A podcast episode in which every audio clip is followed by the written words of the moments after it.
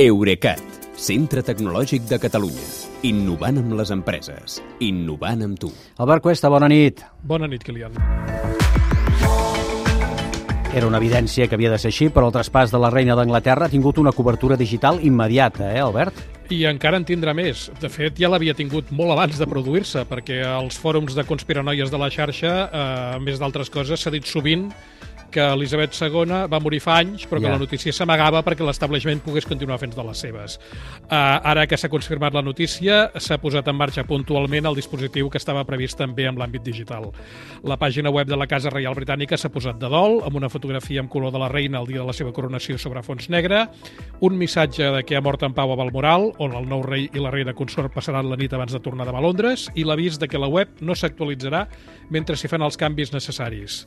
Aquest mateix text surt, però amb una fotografia més recent, en blanc i negre, als perfils de la monarquia a les xarxes socials, com Twitter, on la institució té gairebé 5 milions de seguidors, i a Instagram, on la segueixen 11,4 milions d'usuaris.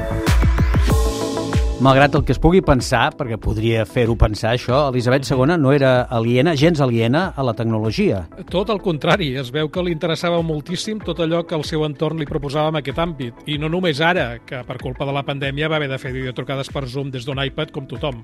Uh, a l'any 1976, i en fa molts, va enviar el seu primer missatge de correu electrònic durant una visita al Centre Reial de Senyals i de Radar de Malvern. Pensem que aleshores encara no existia internet tal com la coneixem ara, sinó només la seva precursora, la xarxa ARPANET. Sí. L'adreça de la reina amb aquell missatge era HME2, que són les sigles en anglès de Sa Majestat Elisabet II. Uh -huh. L'any 1997 va promoure la creació de la primera web de la Casa Reial i això va ser abans de que en tinguessin alguns dels principals diaris britànics. I deu anys després, el 2007, es va inaugurar el canal de la monarquia YouTube amb un vídeo del seu primer missatge televisat de Nadal, el de 1957. I el 24 d'octubre de 2014, la reina va publicar el seu primer tuit i ho va fer des de l'exposició sobre la era de la informació al Museu de la Ciència de Londres, convidant el públic a visitar-la. Eh, Per cert, ja que parlem d'això, Elisabet II també ha estat objecte de molts memes, eh? Ah, Moltíssims, i és perquè el personatge ho afavoreix, tant per la seva estimació pels gossos o per les preferències de color a l'hora de vestir-se. Durant anys, de fet, un dels perfils més populars de Twitter va ser una paròdia seva, tot i que era força respectuosa. Tot això també quedarà per la història d'una monarquia llarga i molt apreciada pels seus súbdits, com també ho farà el contingut digital que Buckingham Palace ha anat publicant aquests anys molt hàbilment per afavorir aquest apreci de la població i que ella no només permetia, sinó que s'hi prestava.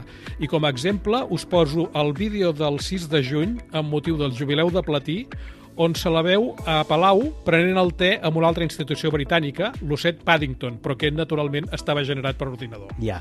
Doncs no sé si quedar-me amb aquesta o amb la imatge de 007 al servei de Sa Majestat eh, en els Jocs Olímpics de Londres.